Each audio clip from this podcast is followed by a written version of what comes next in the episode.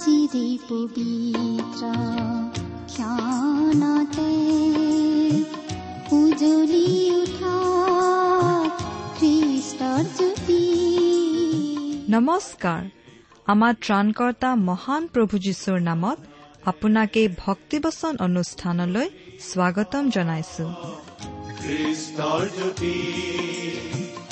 আকাশ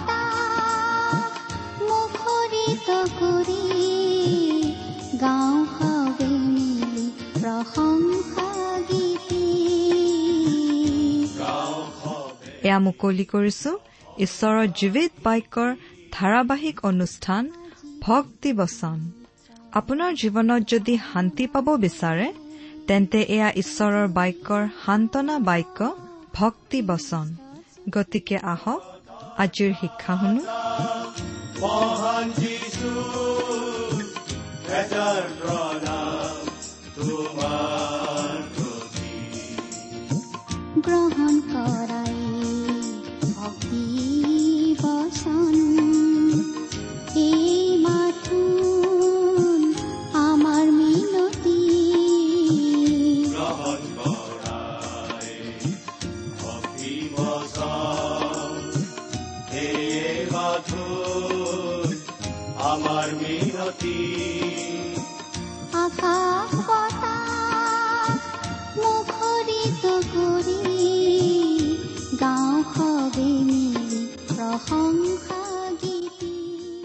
আমাৰ পৰম পবিত্ৰ প্ৰভু যীশুখ্ৰীষ্টৰ নামত নমস্কাৰ প্ৰিয় শ্ৰোতা।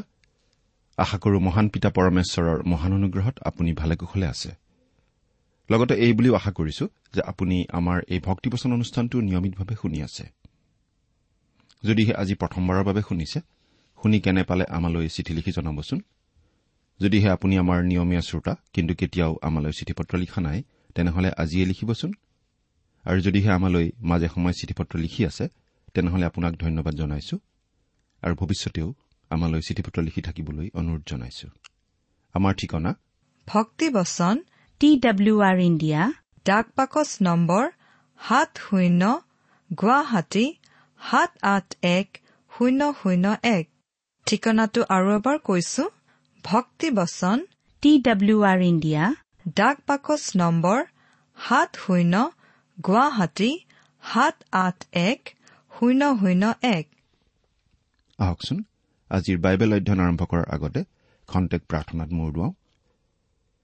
হে আমাৰ স্বৰ্গত থকা মহান পিতৃ ঈশ্বৰ প্ৰথমতেই তোমাক ধন্যবাদ দিওঁ কাৰণ তুমি আমাক আকৌ এটা নতুন দিন দেখিবলৈ দিলা আৰু তোমাৰ বাক্য অধ্যয়ন কৰিবলৈ আমাক আকৌ এটা সুযোগ দিছা। তোমাৰ বাক্যৰ নিগূঢ় তত্ব তুমিয়েই আমাক বুজাই দিয়া। আমাৰ মৰমৰ শ্ৰোতাসকলক তোমাৰ স্পষ্ট মাত শুনিবলৈ দিয়া। তেওঁলোকৰ জীৱনত তোমাৰ অনুগ্ৰহৰ আশীৰ্বাদ প্ৰকাশ পাই উঠিবলৈ দিয়া। এই অনুষ্ঠানৰ আৰম্ভণিৰ পৰা শেষলৈকে তুমি আমাক পৰিচালিত কৰা। কিয়নো এই প্ৰাৰ্থনা আমাৰ পাপৰ প্ৰায়চিত্ৰ কৰিবলৈ ক্ৰুচত প্ৰাণ দি তৃতীয় দিনা পুনৰ জি উঠি এতিয়া স্বৰ্গত আমাৰ বাবে নিবেদন কৰি থকা ত্ৰাণকৰ্তা প্ৰভু যীশুখ্ৰীষ্টৰ নামত আগবঢ়াইছো। আমেন।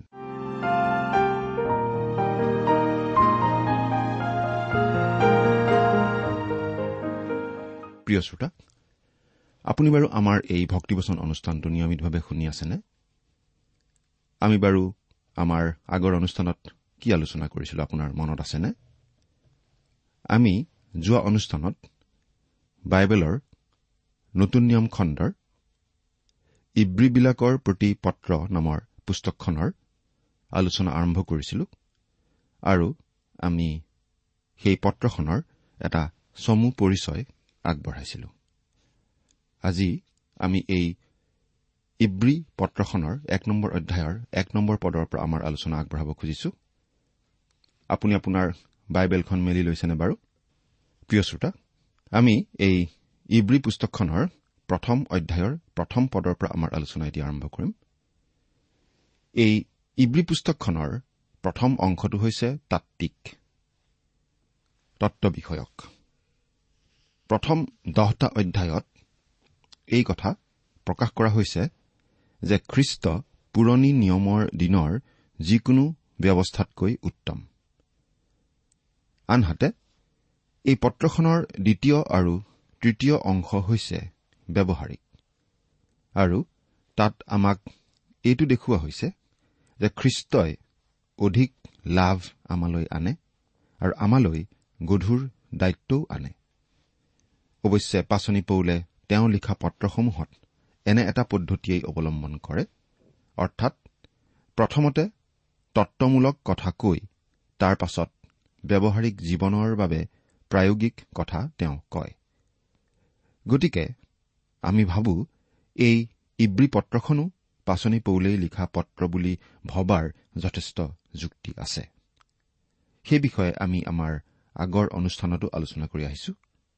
যদিও আমি এটা যুদ্ধংদেহী মনোভাৱেৰে এই কথা ক'ব খোজা নাই। এই পত্ৰখনৰ লিখক পাচনি পৌলেই বুলি তথাপি আমি অতি দৃঢ়তাৰে ক'ব পাৰো যে আমি ঈশ্বৰৰ বাক্য আলোচনা কৰি আছো। এই বাক্য পবিত্ৰ আত্মা ঈশ্বৰে আমাক দিছে। যিহেতু পবিত্ৰ আত্মা ঈশ্বৰহে প্ৰকৃত অৰ্থত এই পত্ৰখনৰ লিখক গতিকে কোন মানুহৰ যোগেদি এই পত্ৰখন লিখোৱা হৈছিল আৰু কিমান চনত লিখোৱা হৈছিল সেইটো গৌণ কথা। ইব্ৰীবিলাকৰ প্ৰতি লিখা এই পত্ৰখন ঈশ্বৰৰ বাক্যত পোৱা এখন অতি মনোমোহা আৰু গুৰুত্বপূৰ্ণ পত্ৰ। সেইবাবেই আমি চাৰিজন বিশিষ্ট ব্যাখ্যাকাৰকৰ উদ্ধৃতি দি এই পত্ৰখনৰ আলোচনা আৰম্ভ কৰিছিলো যোৱা অনুষ্ঠানত। কাৰণ এনে এখন মহান পত্ৰৰ আলোচনা কৰাৰ যোগ্যতা আমাৰ নাই বুলিয়েই আমি ভাবো। সেই চাৰিওজন ব্যাখ্যাকাৰকে চাৰিটা বিভিন্ন দিশৰ পৰা কথাখিনি চাই অৱশেষত এটা বিষয়লৈকে আঙুলিয়াইছিল যীশুখ্ৰীষ্ট নামৰ ব্যক্তিজনৰ গুৰুত্ব। গতিকে আমি প্ৰভু যীশুখ্ৰীষ্টৰ এই প্ৰতিজ্ঞাতেই ভৰসা কৰি আগবাঢ়িব খুজিছো। কাৰণ তেওঁ এই বুলি কৈছিল যে যেতিয়া পবিত্ৰ আত্মা ঈশ্বৰ আহিব তেওঁৱেই খ্ৰীষ্ট বিষয়ক সকলো কথা আমাক জনাই দিব। আমি এই কথাখিনি বিশেষভাৱে মনত ৰখা উচিত যে এই পত্ৰখন লিখা হৈছিল ইব্ৰীবিলাকৰ প্ৰতি যিহুদী লোকসকলৰ প্ৰতি। খ্ৰীষ্টীয় বিশ্বাসী ইব্ৰী লোকসকলৰ প্ৰতি। সেই ইব্ৰী লোকসকল দুটা ভিন ভিন ব্যৱস্থাৰ সন্দিক্ষণত উপস্থিত হৈছিল। বিধানৰ ব্যৱস্থা তেতিয়া শেষ হৈছিল। এটা সময়ত মন্দিৰত আগবঢ়োৱা বলিবিধান অৰ্থপূৰ্ণ আছিল যদিও এতিয়া সেই বলিবিধান অৰ্থহীন হৈ পৰিছিল। এসময়ত ঈশ্বৰেই বিচৰা সেই নীতি নিয়ম পালন কৰাটো বিশ্বাসকাৰীসকলৰ বাবে এতিয়া পাপ যেন হৈ পৰিছে। এই কথাটো এই পত্ৰখনে পৰিষ্কাৰভাৱে জনায়।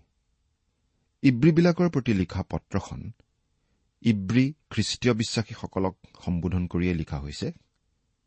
কিন্তু ইয়াৰ যোগেদি আগবঢ়োৱা কথাখিনি আচলতে সকলো সময়ৰ বাবে সকলো ঠাইৰ সকলো জাতিৰ লোকৰ বাবে। ইয়াৰ কথাখিনি আজি আপোনাৰ মোৰ বাবে যথেষ্ট অৰ্থপূৰ্ণ। তথাপি আমি এই কথা মনত ৰখা উচিত যে এই পত্ৰখন ইব্ৰী খ্ৰীষ্টীয় বিশ্বাসীসকলক উদ্দেশ্য কৰি লিখা হৈছিল। উদাহৰণস্বৰূপে খ্ৰীষ্ট ভাৱবাদীসকলতকৈ শ্ৰেষ্ঠ বুলি কোৱা কথাখিনি ইব্ৰী লোকসকলেহে ভালদৰে বুজি পাব পাৰে। এতিয়া বাইবেলৰ পৰা পাঠ কৰি দিম। ইব্ৰীবিলাকৰ প্ৰতি পত্ৰ প্ৰথম অধ্যায়ৰ প্ৰথম পদ। পাঠ কৰি দিছো।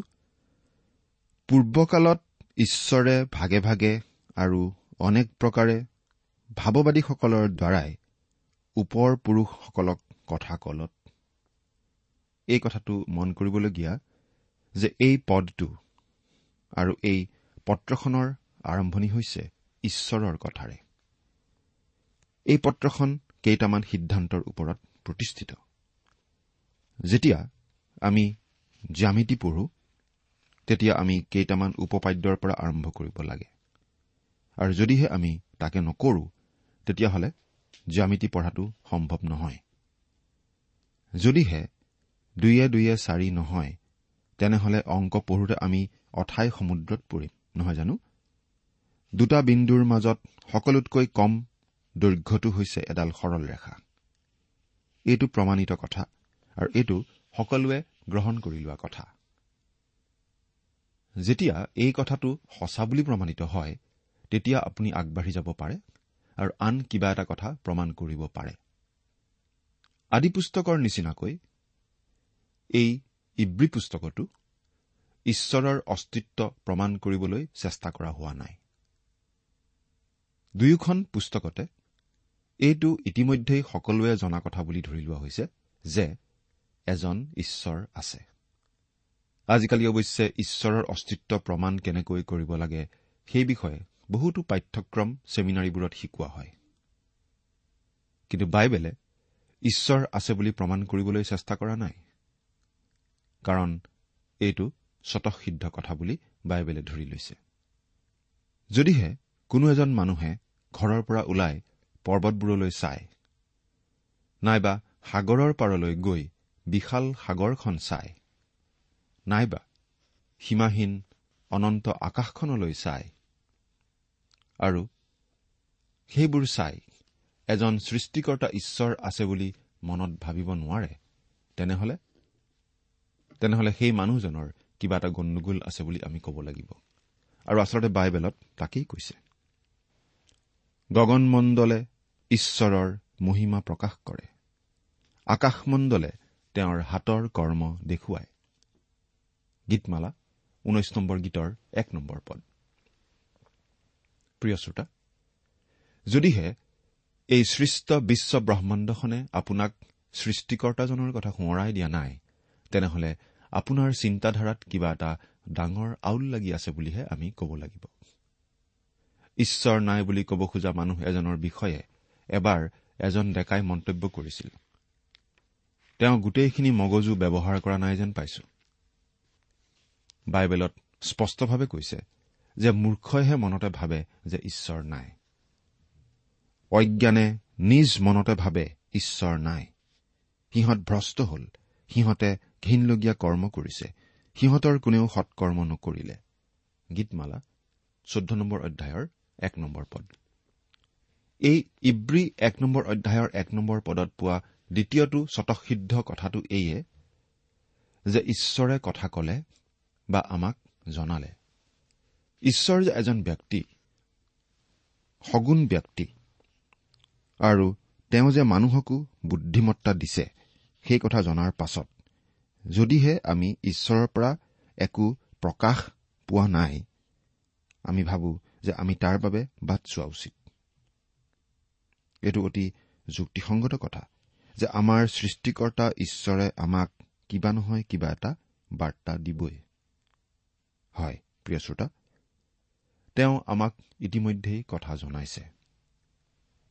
তেওঁ আমাক জনোৱা কথা হৈছে তেওঁৰ দ্বাৰা নিশ্বাসিত বাক্য।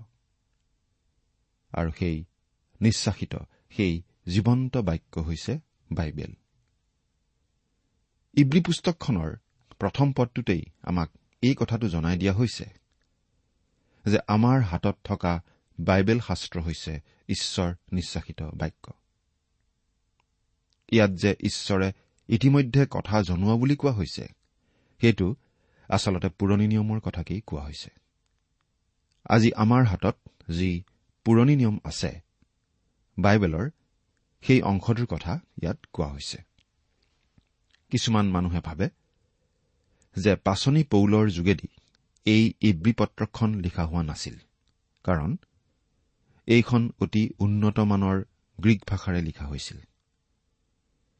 এই পত্ৰখন এনেকুৱা এজন ব্যক্তিৰ দ্বাৰা লিখা হৈছিল যিজন গ্ৰীক ভাষাত অতি পাৰ্গত লোক আছিল। গ্ৰীক ভাষাত লিখা মূল পত্ৰখন অতি মসৃণ আৰু সুন্দৰ যিটো আন অনুবাদত আমি বেছি নাপাওঁ। এই পত্ৰখনৰ আৰম্ভণিতে আমি মাত্ৰ দুটা শব্দক লৈয়েই খেলা কৰা দেখিছো। ভাগে ভাগে আৰু অনেক প্ৰকাৰে বুলি অসমীয়াত লিখা হৈছে। ভাগে ভাগে শব্দটোৰ মূল গ্ৰীক শব্দটো আছিল পলিউমেৰছ আৰু অনেক প্ৰকাৰে শব্দটোৰ মূল গ্ৰীক শব্দটো আছিল পলিউট্ৰপছ। গতিকে মন কৰকচোন। পলিউমেৰছ আৰু পলিউট্ৰপছ শব্দ দুটা ইমান সুন্দৰকৈ কবিতাৰ দৰে ব্যৱহাৰ কৰা হৈছে। পলিউমেৰছ পলিউট্ৰপছ। কিন্তু এই প্ৰথম পদটোত কবিতাৰ নিচিনা শব্দৰ খেল আছে যদিও তাতকৈ অধিক সৌন্দৰ্য ইয়াত আছে। কাৰণ ইয়াৰ মাজেৰে এটা অতি গুৰুত্বপূৰ্ণ কথা কোৱা হৈছে। ভাগে ভাগে বুলি কওঁতে আমি বাৰু কি বুজিছো? ইয়াত আচলতে এই ভাৱটো প্ৰকাশ পাইছে যে ঈশ্বৰে মুচিৰ যোগেদি কথা কৈছিল। কিন্তু তাৰ আগতে তেওঁ অব্ৰাহামকো কথা কৈছিল। তেওঁ অব্ৰাহামক সপোনৰ যোগেদি কথা কৈছিল। আৰু অব্ৰাহামৰ ওচৰলৈ অহা এজন স্বৰ্গদূতৰ যোগেদি ঈশ্বৰে কথা কৈছিল। কিন্তু তেওঁ যেতিয়া অব্ৰাহামক কথা কৈছিল তেতিয়া তেওঁ মুচিক যি কথা কৈছিল সেই কথা অব্ৰাহামক কোৱা নাছিল। ঈশ্বৰে অব্ৰাহামক বিধান সম্বন্ধে একো কথাই কোৱা নাছিল। ঈশ্বৰে অব্ৰাহামক দহ আজ্ঞা দিয়া নাছিল। কিন্তু পাছত ঈশ্বৰে মুচিক সেই দহ আজ্ঞা দিছিল। তাৰ পাছত ঈশ্বৰে ডায়ুদৰ আগত এই কথা কৈছিল যে তেওঁৰ বংশত এজনা ৰজা আহিব যিজন সমগ্ৰ মানৱ জাতিৰ ত্ৰাণকৰ্তা হ'ব। আৰু যেতিয়া ডায়ুদ বুঢ়া হৈছিল তেতিয়া ঈশ্বৰে তেওঁক কৈছিল যে তেওঁৰ বংশত এজনা আহি আছে যিজন তেওঁৰ ত্ৰাণকৰ্তা হ'ব। ঈশ্বৰে সেইখিনি কথা কিন্তু মুচিক জনোৱা নাছিল আৰু অব্ৰাহামকো জনোৱা নাছিল। আচলতে ঈশ্বৰে মুচিক এটা বিধান দিছিল। আৰু সেই বিধান মতে ইছৰাইলৰ কোনো জাগতিক ৰজা থকা উচিত নহয়। কাৰণ ঈশ্বৰেই তেওঁলোকৰ ৰজা হ'ব। ঈশ্বৰে কিন্তু মানুহৰ হৃদয়ৰ কথা জানিছিল। আৰু এসময়ত ইছৰাইল জাতিয়ে তেওঁলোকৰ চাৰিওফালে থকা জাতিবিলাকৰ নিচিনাকৈ এজন ৰজা বিচাৰিব ধৰিছিল।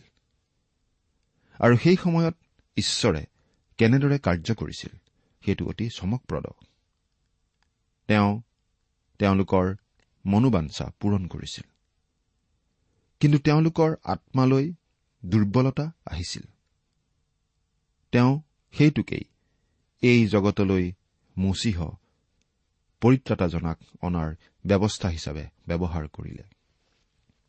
এই প্ৰথম পদটোৱে আমাক এই কথাটো জনাইছে যে ঈশ্বৰে অব্ৰাহামক সকলো কথা জনাই দিয়া নাছিল মুচিকো সকলো কথা জনাই দিয়া নাছিল ডায়ুদকো সকলো কথা জনাই দিয়া নাছিল।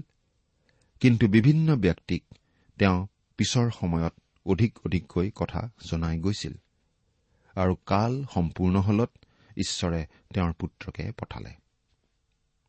বাইবেলত আমি সত্য এনেদৰে ক্ৰমান্বয়ে প্ৰকাশিত হৈ অহা কথাটো দেখিবলৈ পাওঁ। বিভিন্ন প্ৰকাৰে। মানে ঈশ্বৰে তেওঁৰ কথাবোৰ প্ৰকাশ কৰাৰ বাবে বিভিন্ন উপায় অৱলম্বন কৰিছিল। তেওঁ অব্ৰাহামৰ আগত দেখা দিছিল সপোনত। কিন্তু তেওঁ মুচিক বিধানসমূহ দিছিল। তাৰ পাছত তেওঁ যীহুচোৱাৰ আগত কিছুমান প্ৰতিজ্ঞা কৰিছিল। তেওঁ সপোনৰ মাধ্যমেৰে কথা কৈছিল কিন্তু বিধানৰ মাধ্যমেৰেও কথা কৈছিল। তেওঁ বিভিন্ন প্ৰতীকৰ মাধ্যমেৰেও কথা কৈছিল। বিভিন্ন ৰীতি নীতিৰ মাজেদিও তেওঁ কথা কৈছিল। তেওঁ ইতিহাসৰ মাধ্যমেৰে কথা কৈছিল। তেওঁ কবিতাৰ মাধ্যমেৰে কথা কৈছিল। আৰু তেওঁ ভাৱবাদীৰ মাধ্যমেৰেও কথা কৈছিল। তেওঁ বহুদিন ধৰি এই বিভিন্ন মাধ্যম ব্যৱহাৰ কৰি আহিছিল। পঞ্চল্লিছজন লিখক ব্যৱহাৰ কৰি এনেদৰে তেওঁ তেওঁৰ বাক্য জনাই আছিল প্ৰায় এহেজাৰ পাঁচশ বছৰ ধৰি। গতিকে এই ইব্ৰী পত্ৰৰ লিখকজনে এই প্ৰথমটো পদতেই আমাক বিশেষ গুৰুত্বপূৰ্ণ কথা কৈছে। প্ৰিয় শ্ৰোতা আপুনি বাৰু কেতিয়াবা এই কথাটো চিন্তা কৰি চাইছেনে?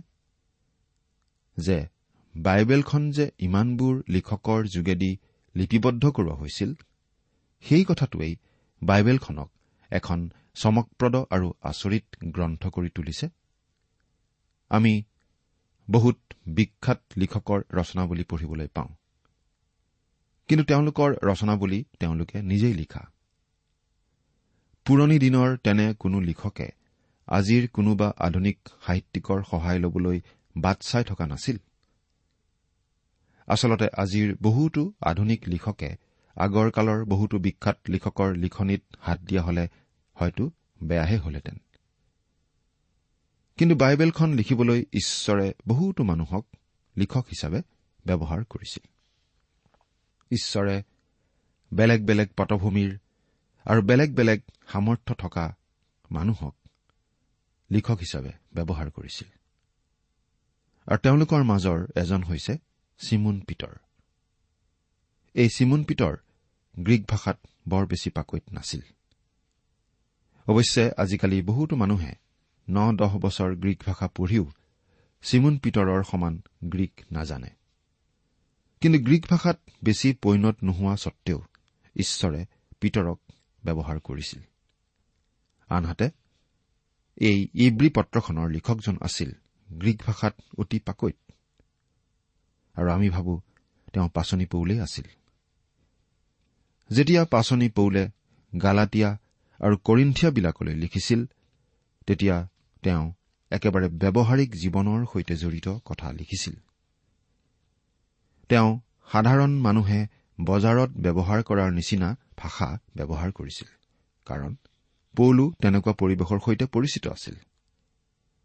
তেওঁ অনেক ঠাই ভ্ৰমণ কৰিবলগীয়া হৈছিল নাৱেৰে। কিন্তু তেওঁ ইব্ৰীবিলাকলৈ লিখা পত্ৰখন এখন বিশেষ কলা সৃষ্টি এৰা। এই পত্ৰখন মুকলি কৰা হৈছে অতি ৰাজকীয়ভাৱে। পূৰ্বকালত ঈশ্বৰে। ইয়াৰ আগতে ঈশ্বৰৰ অস্তিত্ব প্ৰমাণ কৰিবলৈ একো লিখা হোৱা নাই। যদিহে আপুনি ঈশ্বৰৰ অস্তিত্ব অস্বীকাৰ কৰিব খোজে তেনেহলে সমস্যাটো আপোনাৰহে। ঈশ্বৰৰ নহয়।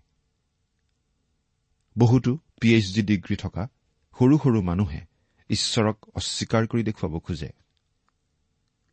তেনেকুৱা কৰা দেখিলে আমি মনতে ভাবো তেওঁলোকনো কোন? তেনে এজন মানুহৰ অতি ক্ষুদ্ৰ মগজুটো ঈশ্বৰৰ কাষত ৰাখি তুলনা কৰি চাওকচোন। তেতিয়া আপুনি বুজিব ঈশ্বৰে কিয় নিজৰ অস্তিত্ব প্ৰমাণ কৰিবলৈ সময় খৰচ কৰা নাই। যদিহে কোনো মানুহ ঈশ্বৰলৈ আহিব লাগে তেনেহলে সেই মানুহে প্ৰথমতে বিশ্বাস কৰিব লাগিব যে ঈশ্বৰ আছে। ভাৱবাদীসকলৰ দ্বাৰাই। ভাৱবাদী। ভাৱবাদী মানে এনেকুৱা ব্যক্তি যি ব্যক্তিয়ে ঈশ্বৰৰ হৈ ঈশ্বৰৰ হকে ঈশ্বৰৰ পৰা অহা কথা কয় মানুহৰ আগত কয়। আৰু ঈশ্বৰৰ হকে কথা কওঁতে তেওঁ ভৱিষ্যতৰ কথাও ক'ব পাৰে আৰু সেই সময়ৰ বাবে দৰকাৰী কথাও ক'ব পাৰে। ঈশ্বৰে বহুতো এনেকুৱা ভাৱবাদীৰ যোগেদি কথা কৈছিল। সেই ভাৱবাদীসকল আছিল চমকপ্ৰদ বাৰ্তাৰে চমকপ্ৰদ মানুহ। আমাক পুৰণি নিয়মখন দিবৰ কাৰণে সেই সকলোকেইজন ভাৱবাদীৰ প্ৰয়োজন হৈছিল। কিন্তু সেই ভাৱবাদীসকলৰ বিষয়ে আমি খুব বেছি এই বুলিয়েই ক'ব পাৰো যে তেওঁলোকৰ যোগেদি ঈশ্বৰৰ কথাখিনি আংশিকভাৱেহে প্ৰকাশ পাইছিল। সকলোবোৰ কথা ঈশ্বৰে তেতিয়ালৈকে জনোৱা নাছিল। ভাৱবাদীসকলৰ দ্বাৰাই ওপৰ পুৰুষসকলক কথা কলত এই পদটোত বাৰু কোনবোৰ ওপৰ পুৰুষৰ কথা বুজোৱা হৈছে? তেওঁলোক হৈছে অব্ৰাহাম ইছহাক জাকুব জিহুচোৱা মুচি ডায়ুদ জিচয়া ইত্যাদি। তেওঁলোক ওপৰ পুৰুষ কিন্তু তেওঁলোক মোৰ ওপৰ পুৰুষ নহয়। হয়তো আপোনালোক বেছিভাগৰেই ওপৰ পুৰুষ তেওঁলোক নহয়। কিন্তু আমি মনত ৰখা উচিত যে এই পত্ৰখন লিখা হৈছিল সেইসকল লোকলৈ যিসকল লোকে এওঁলোকক ওপৰ পুৰুষ বুলি ক'ব পাৰিছিল। অব্ৰাহাম ইছাক জাকুবক ওপৰ পুৰুষ বুলিব পৰা এই লোকসকল কোন? সেই লোকসকল হৈছে ইব্ৰী লোক। সেইবাবেই এই পত্ৰখন হৈছে ইব্ৰীবিলাকলৈ লিখা পত্ৰ। এই পত্ৰখনৰ যোগেদি ইব্ৰী লোকসকলক এই কথাটো সোঁৱৰাই দিয়া হৈছে যে ঈশ্বৰে বিভিন্ন সময়ত বিভিন্ন ধৰণে তেওঁলোকৰ ওপৰ পুৰুষসকলক কথা কৈছিল ভাৱবাদীসকলৰ যোগেদি। সেইজনা ঈশ্বৰ কেৱল সেই ইব্ৰীবিলাকৰে ঈশ্বৰ নহয় গোটেই জগতৰ লোকসকলৰ বাবেই তেওঁ ঈশ্বৰ। ভাৱবাদীসকলৰ যোগেদি তেওঁ সকলো কথা জনাই দিয়া নাছিল। কিন্তু তেওঁৰ পূৰ্ণ প্ৰকাশ ঘটিল প্ৰভু যীশুখ্ৰীষ্টৰ যোগেদিহে। আজি প্ৰভু যীশুখ্ৰীষ্টৰ যোগেদি ঈশ্বৰে আমাক সকলোখিনি কথা কলে। গতিকে প্ৰভু যীশুখ্ৰীষ্টক জনা মানে ঈশ্বৰক জনা।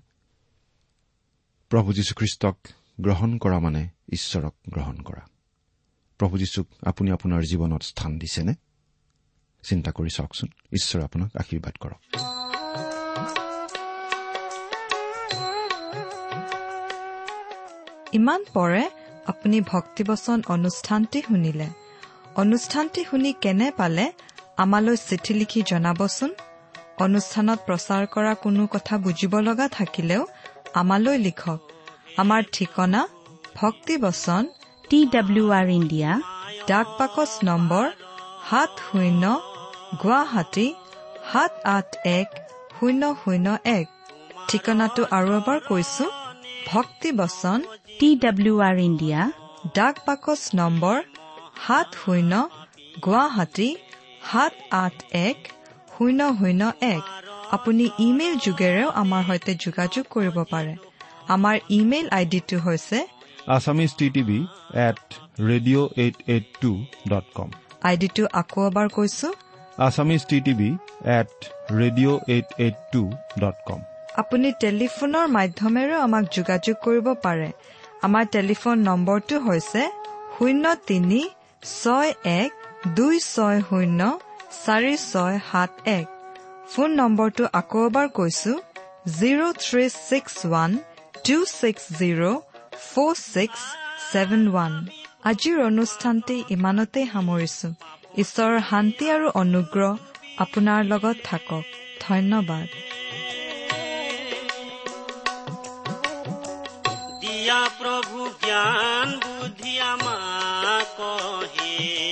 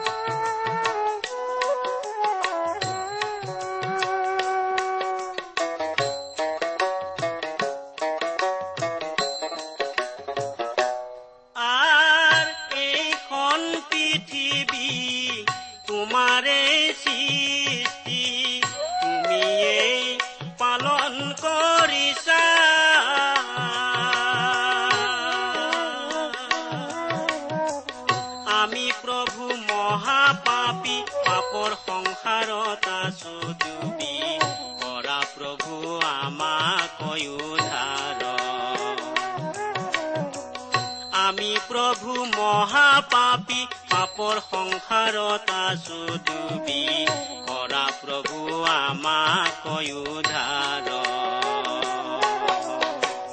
অ হে প্ৰভু যিছু তোমাৰ মহিমায় পাৰ